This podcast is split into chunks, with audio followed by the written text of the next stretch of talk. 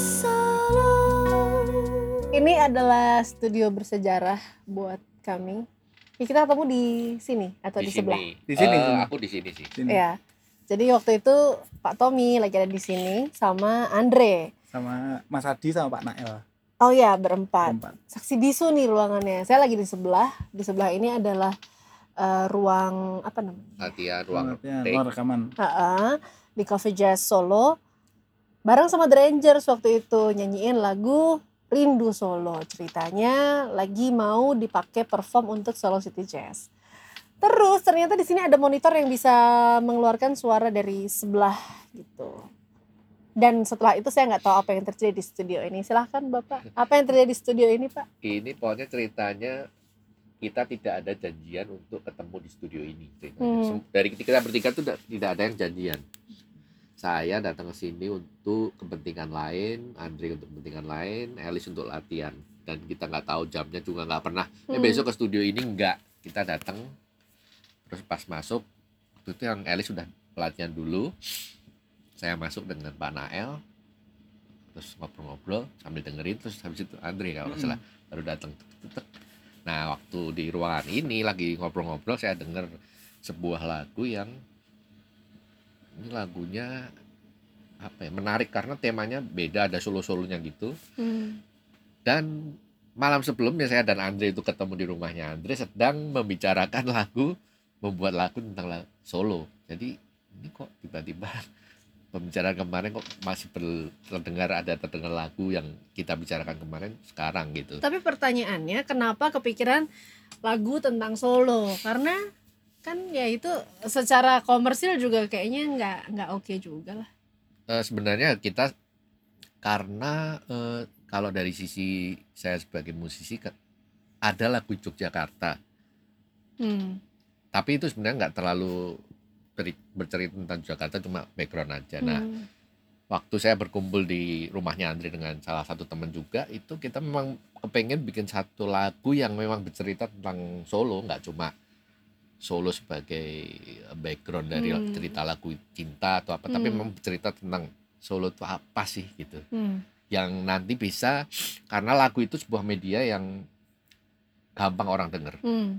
kalau kita bikin puisi nggak semua bisa menikmati Hmm. mungkin atau bikin apa lagu tuh kalau lagunya oke orang tuh langsung nempel dan bisa menjadi sebuah kesan gitulah Hmm. tuh Tapi ternyata malam kita itu buntu waktu itu malam buntu. itu kita udah bikin Padahal bikin udah berusaha kalau juga. itu Iya. udah udah Nggak, tapi udah sempat udah, udah sempat workshop udah bikin. ya? jadi iya, ya iseng-iseng udah jadi Hmm. tapi ah kayaknya enggak ah, enggak enggak Nggak serta oke aja. lah, nggak sesuai Hmm. dengan harapan kita waktu itu. Sedangkan aku waktu itu bikin lagu bukan karena wah nalir, naluriku berkata wah ingin sebagai bentuk pengabdianku kepada kota ini tuh bukan gitu. Alasannya yang pertama adalah eh, karena memang besok mau ada Solo City Jazz, ini acara kota.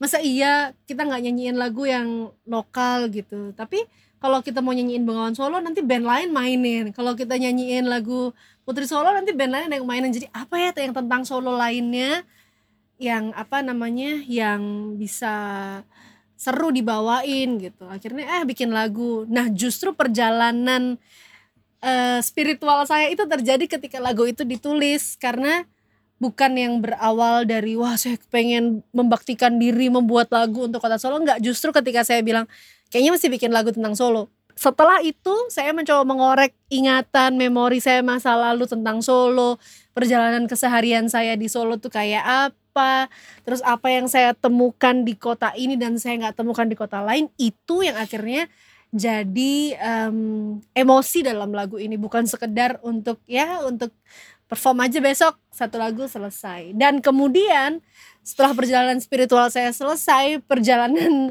lagu ini jadi panjang ketika akhirnya Pak Tommy dan Andre menyampaikan keinginannya kepada saya pada waktu itu.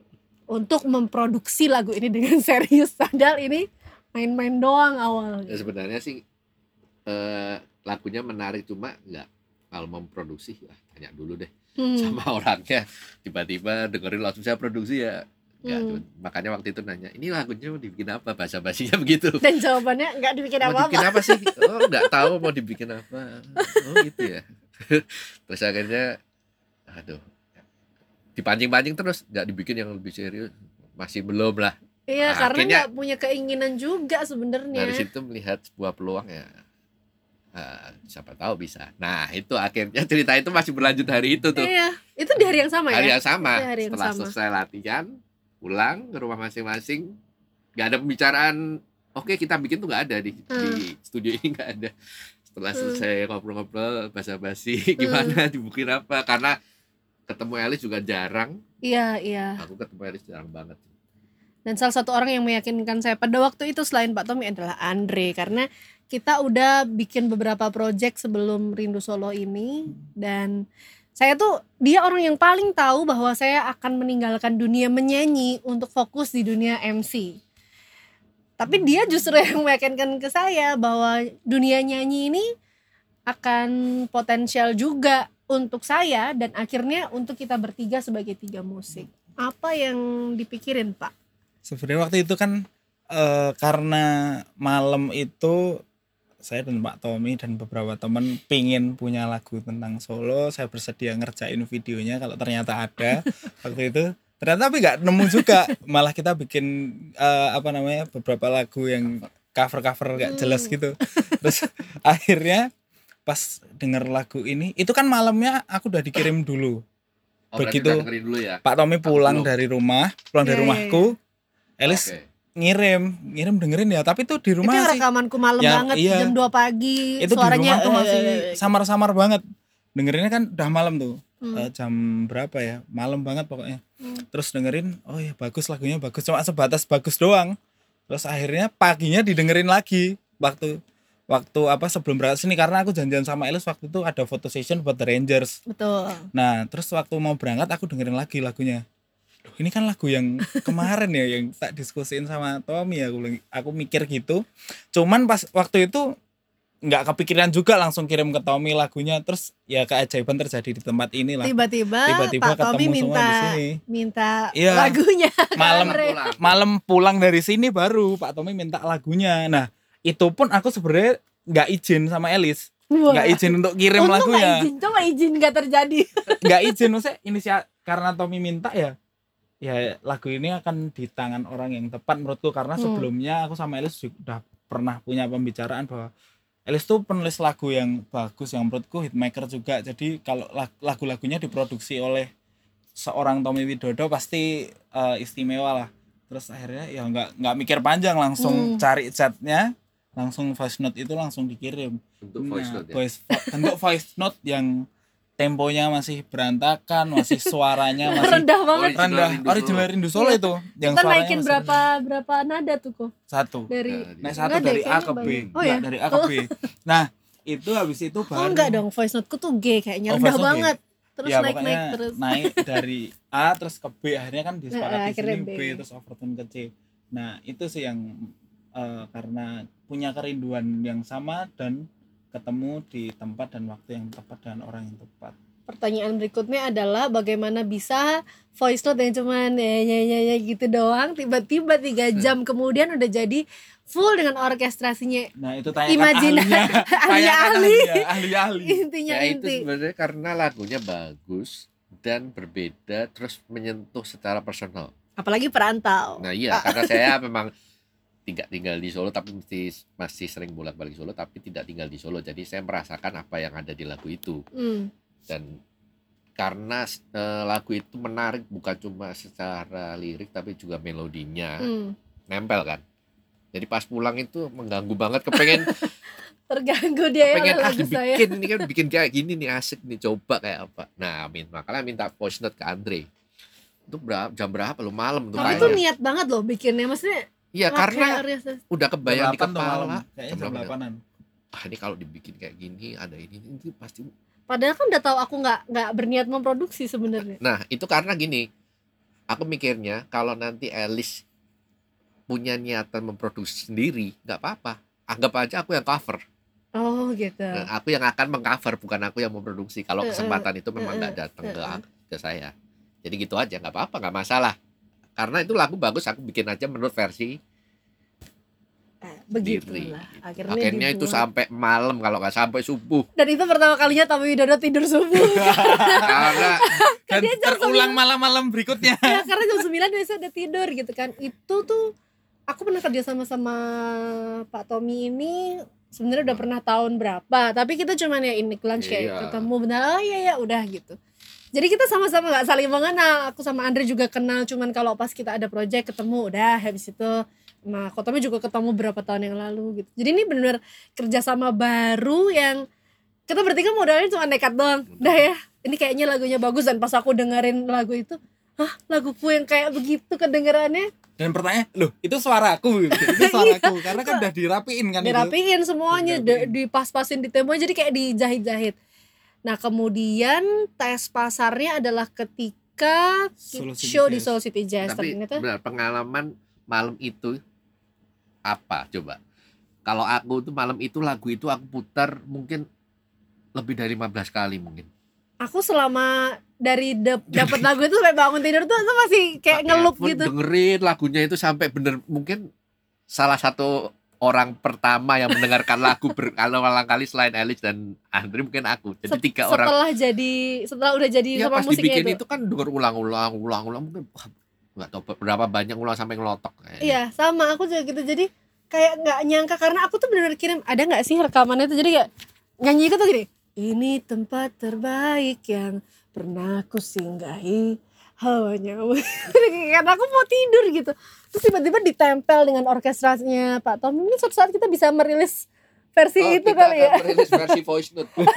Di Spotify, dan belum belum ada tuh yang Iya, merilis. Karena voice itu rendah banget. Tadinya aku masih simpen perjalanan yang dari yang masih suara dari voice noteku sampai akhirnya kita rekaman sampai apa tuh masih kesimpan semua. Itu aku dengerin terus aku sampai sampai ada temanku yang bilang gini Tom ini emang setan alas bisa bikin lagu jadi kayak gini bagus Enggak, ya tapi keyakinannya adalah waktu denger eh, bikin lagu itu dan aku merasa tersentuh Hmm. itu ngerasa ah ini pasti orang juga akan rasain pengalaman yang sama nih. Jadi empatinya iya yang karena ditaruh. aduh ini makanya akhirnya kita berlanjut ke Rindu Solo berikutnya mau dibikin apa karena kita tuh penasaran juga kita yang dengerin kita merasa Eh, tersentuh dan apakah ini juga Oh, eh, apakah ketika ini juga didengarkan orang? mewakili perasaan orang-orang Solo di sana? Akhirnya Hmm, perjalanannya jadi panjang. Jadi panjang sekali. Dan panjang. Kemudian kejutan terjadi lagi ketika waktu itu aku sempet ngotot, aku pengen lagu ini keluar di YouTube pas Solo City Jazz. Jadi pas dirilis di Solo City Jazz bareng sama The Rangers, itu tuh langsung malam itu juga udah muncul di YouTube.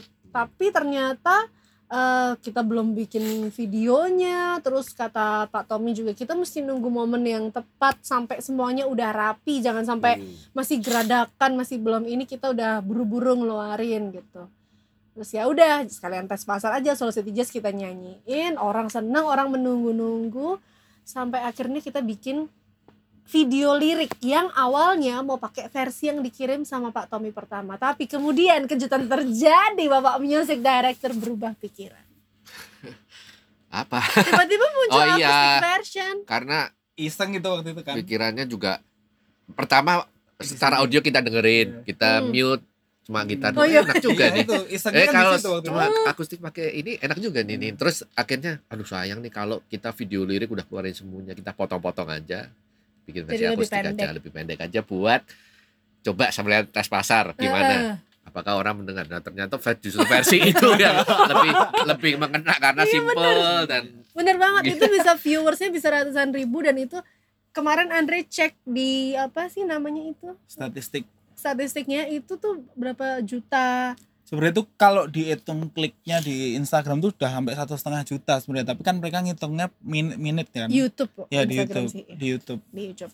Di yang YouTube nggak kehitung kan yang yang di, dikirim di, repost WhatsApp. orang dikirim di WhatsApp masuk ke akun-akun bahasa itu kan kita nggak bisa cek itu berapa berapa ratus ribu yang di Twitter yang Hmm. di mana. Itu kan Nah, kita udah nggak bisa cek juga. pas momen lagu ini dirilis di YouTube itu itu tuh bener-bener saya masih inget banget rasanya deg-degan saya dalam satu jam tuh saya bolak-balik ke kamar mandi sekitar 10 kali.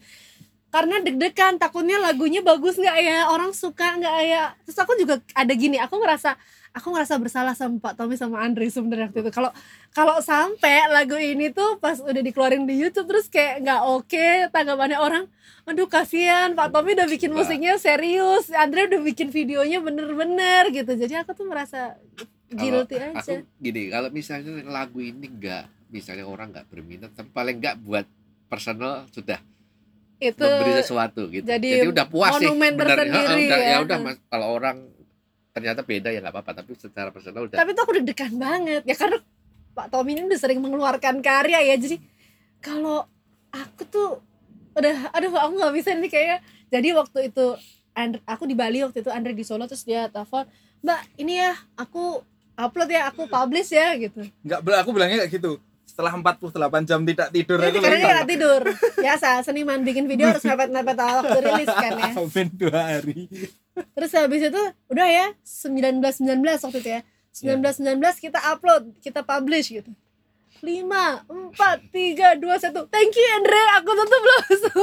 Terus aku tidur sampai besok siangnya. tidur ya.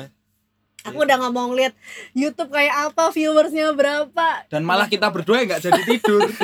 Masa kan langsung kontak-kontakan. Iya, Eh, iya, iya. nih nasib lagunya ini? Udah- tapi sebelumnya kan kita ngad, sempat ngadain tes. Kirim-kirim ke luar negeri. Heeh. kan. Ya bener, nah itu juga itu, itu, juga. ceritanya menarik coba Ya, jadi aku punya beberapa kenalan temen-temen yang kerja di luar negeri gitu. Aku mencoba tes pasar. Pak Tommy bilang suruh mereka dengerin, kan belum ada visualnya sama sekali dan lagu itu belum pernah bocor sama sekali, orang nggak pernah denger sama sekali. Terus suruh mereka dengerin pakai headset, pasang video supaya mereka bisa berekspresi apa pun.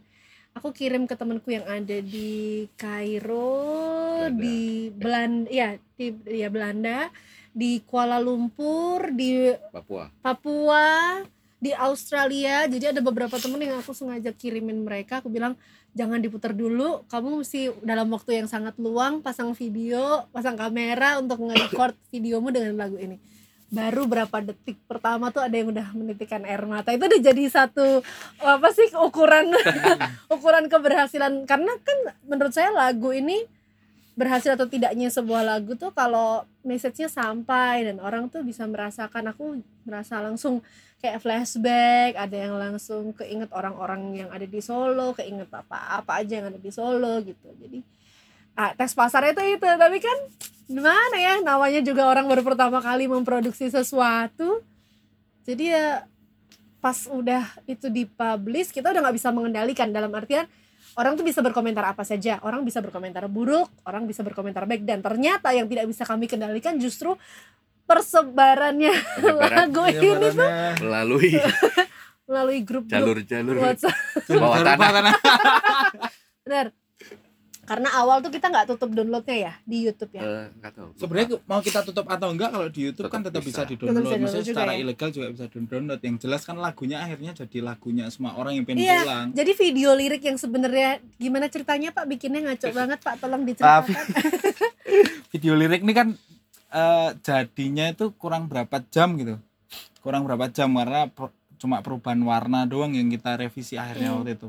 Nah, awalnya itu udah ada story storyboard dengan banyak stock shoot. Nah, terus kok kurang oke kok kayak company profile biasa Hmm. kayak apa kan?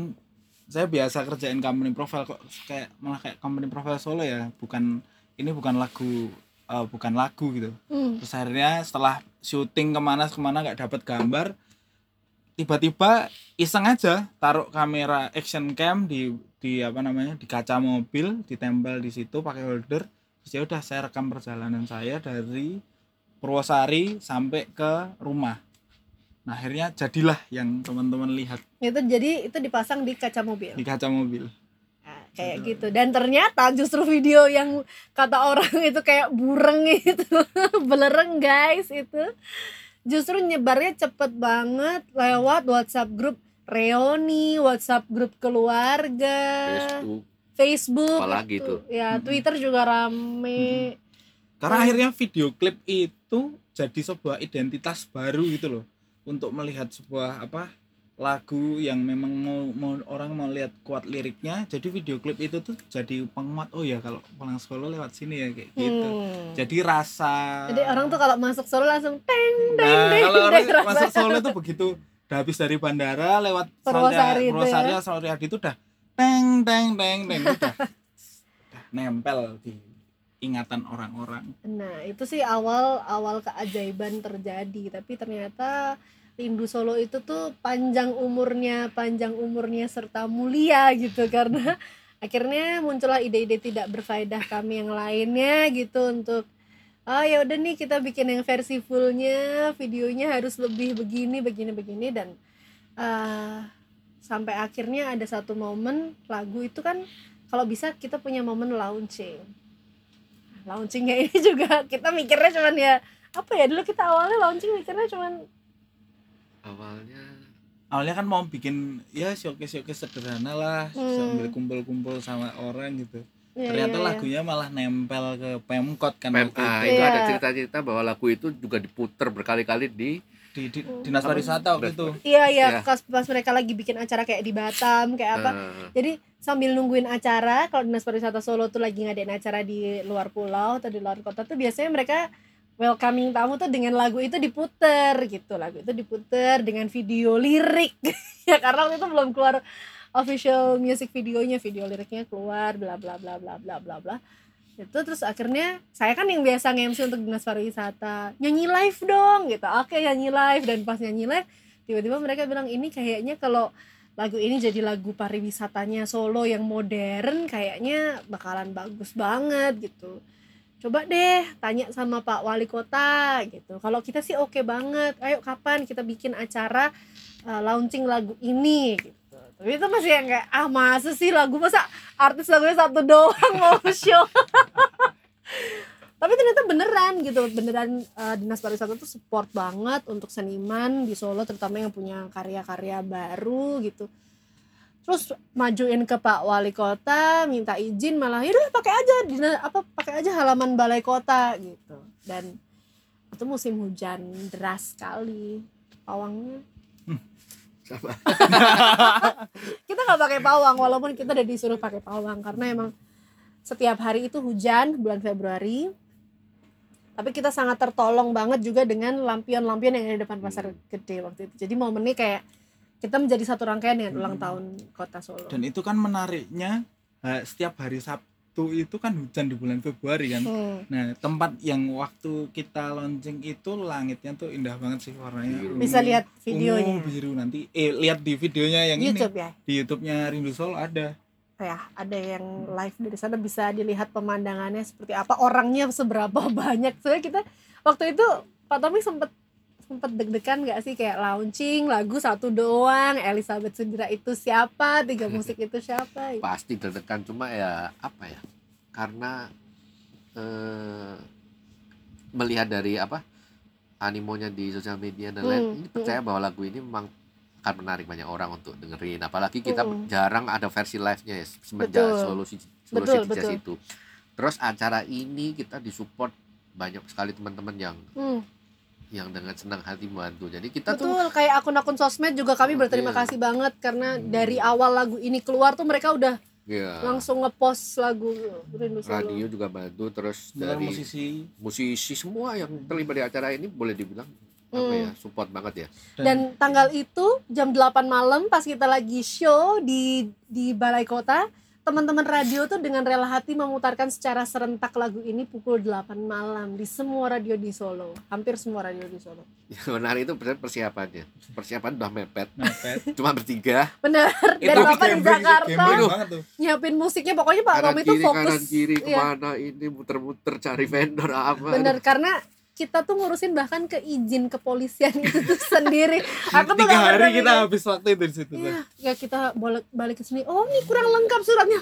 Oke, jadi itu tuh kerja keras banget. Pak Tommy juga di sana di Jakarta sambil memantau terus sambil bikin apa nih bikin bikin eh, musiknya harus begini. Bahkan Andre ini ada satu video yang dibikin beberapa jam Khusus. sebelum konten itu sebelum launch sebelum launch dua video malah Ada video ya. dua video bisa dilihat di YouTube Bisa dilihat di YouTube, benar. Jadi ada dua video eh video pembukaannya Opening. kayak ya openingnya dan video apa ada gesang di situ. ya, itu idenya gesang. muncul ide-ide kita menyebutnya sebagai ide-ide tidak berfaedah gitu. Maksudnya dalam artian kita tuh kadang ngeluarin ide yang nggak masuk akal tapi kalau dijabanin bisa jadi juga. Itu aku punya ide ketika aku mulai di makeup. Bayangin dong aku mulai di makeup terus aku bilang Andre kayaknya nggak oke deh kalau orang nungguin acara nggak ada video apa-apa atau pembukaan kayak bikin video apa terus pas gesang tuh kayaknya itu pas sahamin satu ya kalau gesang ya pas aku latihan sama Rangers Enggak, ya kalau gesang itu malah kerjainnya malah hamin tiga jam malah. Iya. Karena kan minta Iya. harus minta itu menit keberapa sampai keberapa disatuin sama sequence-nya kan. Iya, iya, iya. Nah, terus yang video opening itu. Oh iya bener. Aku latihan di sini tuh hari Iya. H Hamin satu pun aku masih sempat bikin video behind the scene latihan kan? Menuju Oh iya, bener, menuju buat- buat stage promo. kan untuk promo sempat bikin Nggak juga tahu kita itu. ini sebenarnya terbuat dari apa dadakan-dadakan gitu seringnya. Terus tiba-tiba muncul muncul. Tapi mungkin kalau nggak mendadak gitu biasa. Dan untungnya itu kita tuh saling backup satu sama lain gitu. Pokoknya ide kalau kita nggak punya ide yang satunya ngasih ide saling overture-nya Andre bikin di sini Pak Tommy lagi ngurusin latihan di dalam. Dia bikin gini Pak store gini udah besoknya udah jadi udah rapi ya Pak Tommy. Gitu sih. Termasuk desain segala macam kan Mm. kita lempar-lemparan tuh. Pak Mm. Tommy bikin nanti Mm. dilempar habis dari visual diem Iya. jadi video habis dari video. Betul. nanti butuh ya. ini. Aku bikin soundtracknya yang kerangkanya Pak Tommy rapiin langsung jadi orkestrasi kan ya begitulah, begitulah jadi memang kita. untungnya sekalipun music director kita Pak Tommy ini apa namanya apa sih sih apa nih? Baterai nih. Baterai ini memory card enggak Lanjut tuh, bisa Lanjut tuh, tuh. ini satu Oke, di-cut. isi dulu. Cik iso tuh ngeral Bisa. Eli. iso iso ngeral Masih masih bisa. Oh, memory card suwe banget sak poli kok terus lanjut Lanjut. sampai nanti multitasking yuk udah sih Hmm.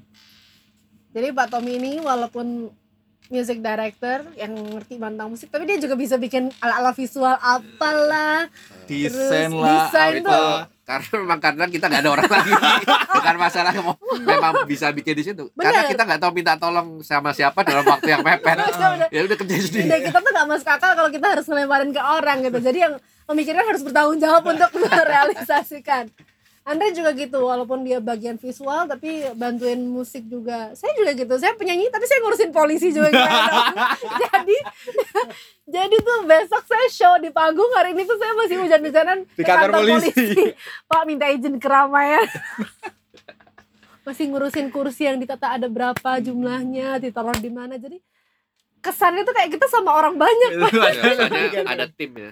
Saya tuh ada Ada tim. memang ada cuma bertiga itu. Iya.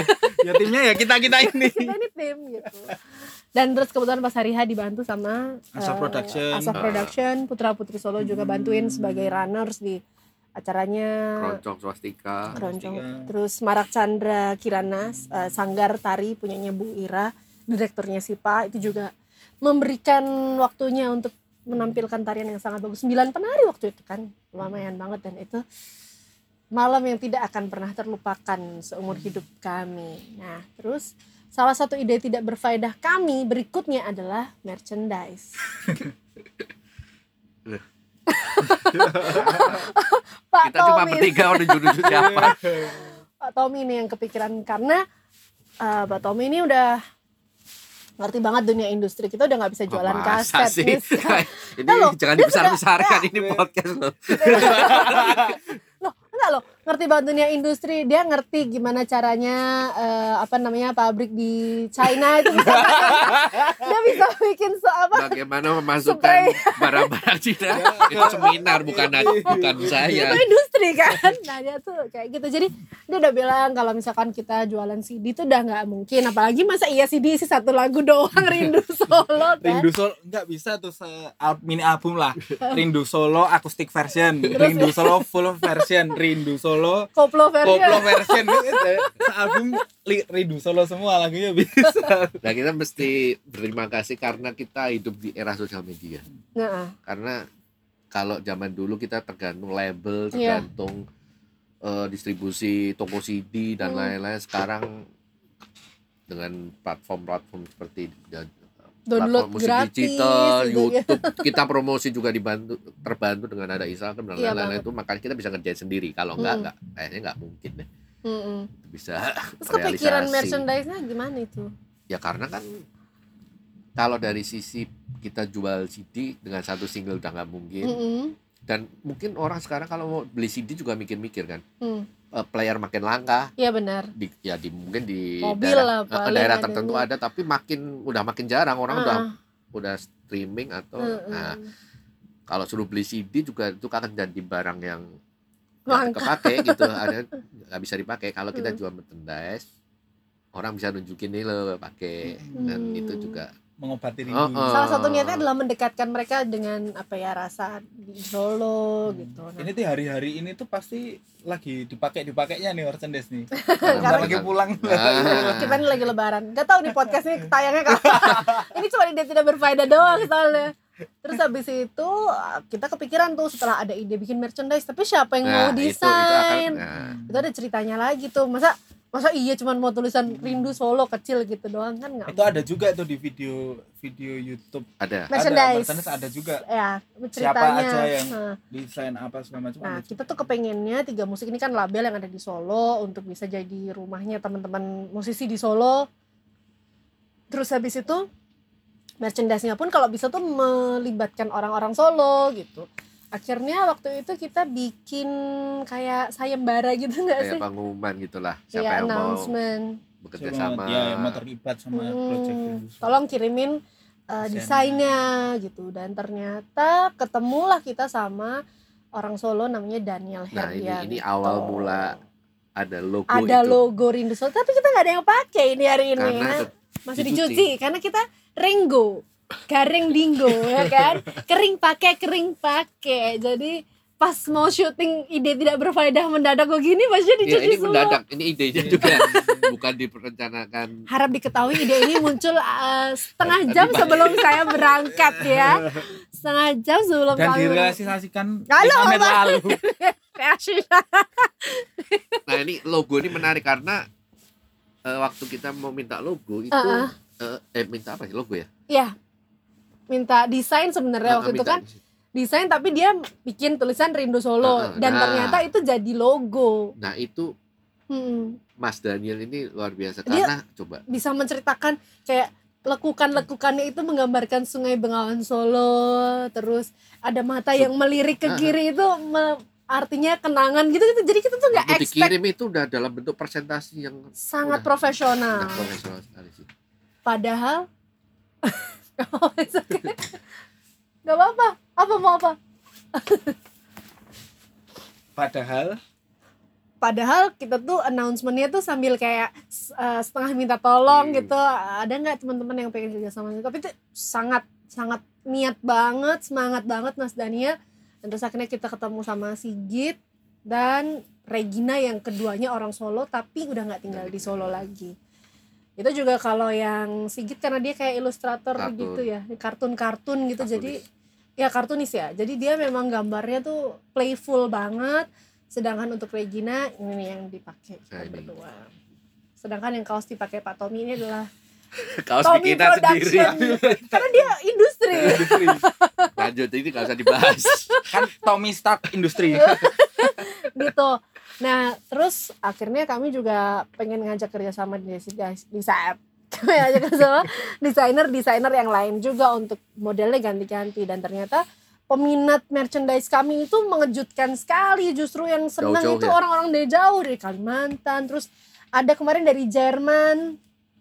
Terus muknya itu juga karena kalau muk kan juga gampang misalkan dia mau bawa apa. Jadi buat oleh-oleh saudara-saudara ada temen yang kemarin cerita gitu kan mau ke Belanda terus bawain oleh-oleh gelas terus mau ke mana bawain oleh-oleh gelas gitu. Dan itu bisa dipakai terus kan soalnya.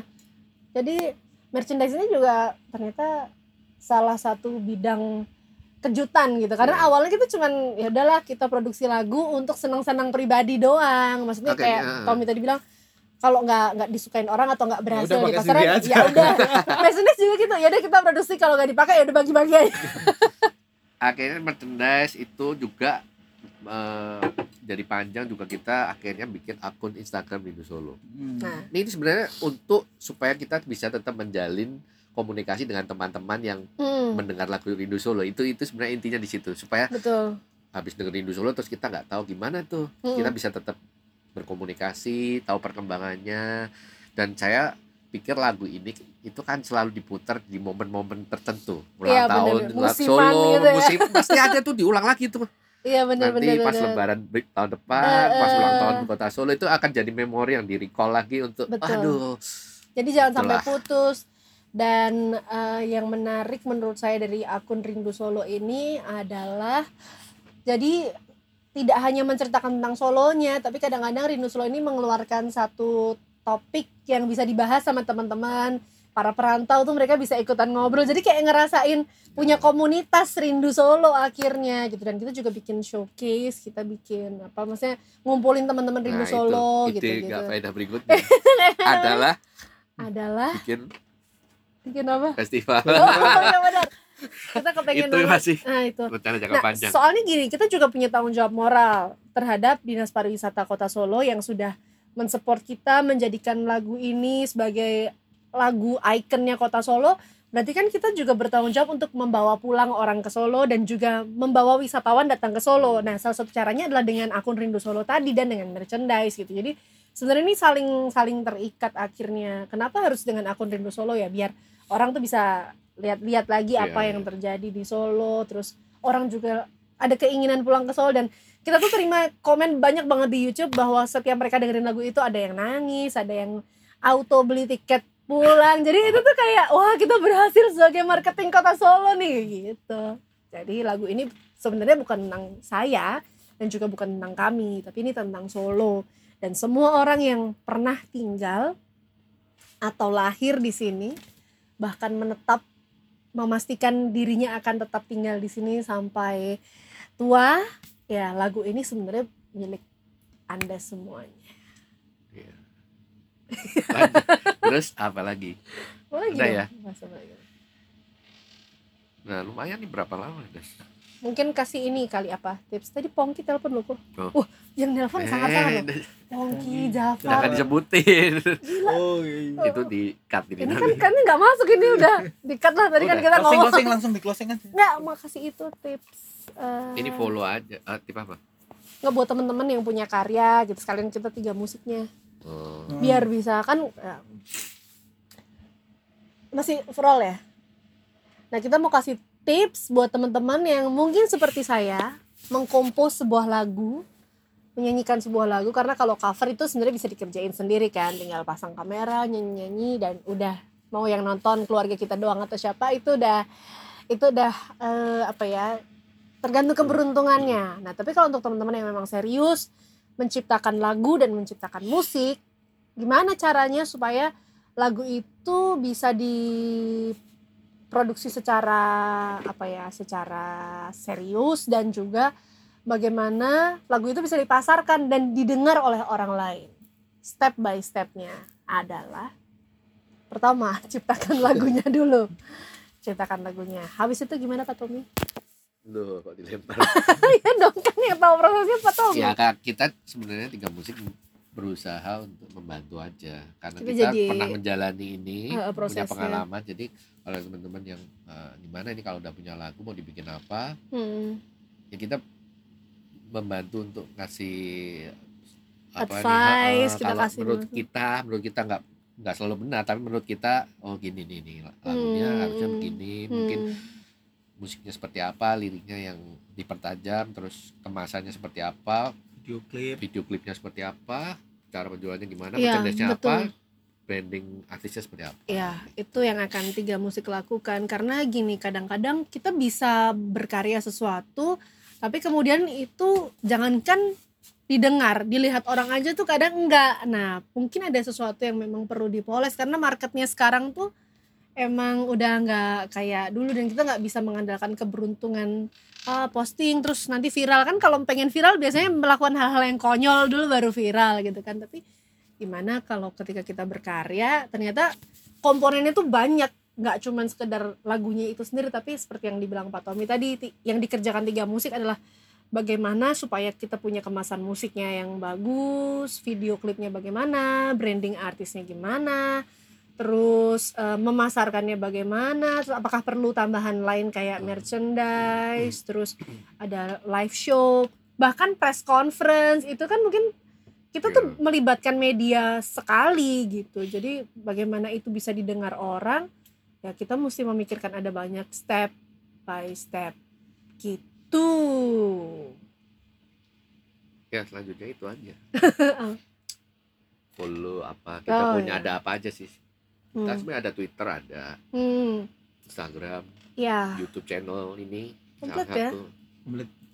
apa lagi karena Pak Tommy ini mengambil eh, nama-nama yang kira-kira akan dibutuhkan itu diambil dulu, dulu. pokoknya. biar gak dipakai orang setelah apa namanya sosial media merchandise kita kan bakal ada warung tenda ya. restoran Lu ya bisa Laundry. jadi loh, wedangan. ya. Laundry ya Allah gak nyambung. Oh, soalnya mentang-mentang merchandise, jadi disambung-sambunginnya laundry. habis gitu. dipakai dicuciinnya ke, ke Tuh. sekalian Bisa juga, siapa tahu kita punya pom bensin rindu Solo. Wah, impiannya luar biasa. mulai mulai ide yang Ya, sangat Jangan diomongin kayak gitu karena kebiasaan kejadian kayak gitu kita Iya. ngomongin eh gini-gini eh benerin dibenerin gitu. Jadi teman-teman bisa follow di Instagramnya @rindusolo. Terus kalau saya Elizabeth Sudira, Tommy Widodo, Andre Nuno, atau juga bisa follow di Instagramnya Tiga Musik Tiga Musik Official. Terus di YouTube ada Rindu Solo, bisa di subscribe dan aktifkan notifikasinya yang pasti. Terus kalau lagu-lagu yang Rindu Solo kemarin dan bukan main-main kita yang baru itu masih ada di uh, Elizabeth Sudira YouTube channel. Terus kita punya Twitter juga. Hmm. Apa Twitternya?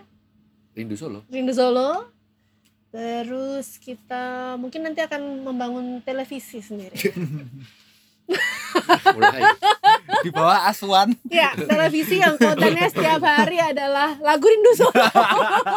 diputar 18 jam ya Ngelup. ngelup nah sekarang ini aja mumpung kita ini podcast pertama banget kita Ya, mungkin era podcast udah mulai menjamur dan kita dan sebenarnya saya nggak tahu kayak apa podcast itu hanya karena Pak. Tommy yang gaul ini aduh. memberi ide untuk kayak bikin ya podcast. semuanya Oh, iya. bisa jadi konten kita lakukan bener, bener, bener. nah makanya kesempatan ini juga di podcast pertama ini siapa tahu teman-teman tuh apa sih kepengen dengerin topik-topik apa? Mm-mm. tentang Solo atau tentang apa aja sebenarnya? Boleh. Tentang kasih tahu di- musik di industri komen musik kasih tahu pengen ah pengen bahas ini dong tentang budaya Solo atau wayang orang atau Iya. angkringan atau apa aja nanti sih. kami carikan narasumber yang paling Nah. tepat buat itu. Jadi jadi nggak akan ngeliat muka kita bertiga terus gitu. Iya. nanti kalau misalkan teman-teman pengen tahu soal dunia malam kota Solo siapa tahu ya kan? Nanti kita cariin narasumbernya. Maksudnya Pak Satpam. Yang biasa sih scamling itu dunia malam. Satpol pp berarti oke. Udah, itu aja. gitu aja. Terima kasih banyak sudah mendengarkan kami berbicara hal-hal yang semoga berfaedah. Dan jangan lupa untuk follow semua akun yang sudah kami sebutkan tadi. Sampai ketemu di podcast atau apa konten lainnya Yap. atau karya-karya lainnya. betul sekali. Buat yang sudah lama meninggalkan Solo Nah, segera pulang mumpung lebaran. mumpung harga tiket lagi mahal, ayo pulang. ini orang pak orang kaya soalnya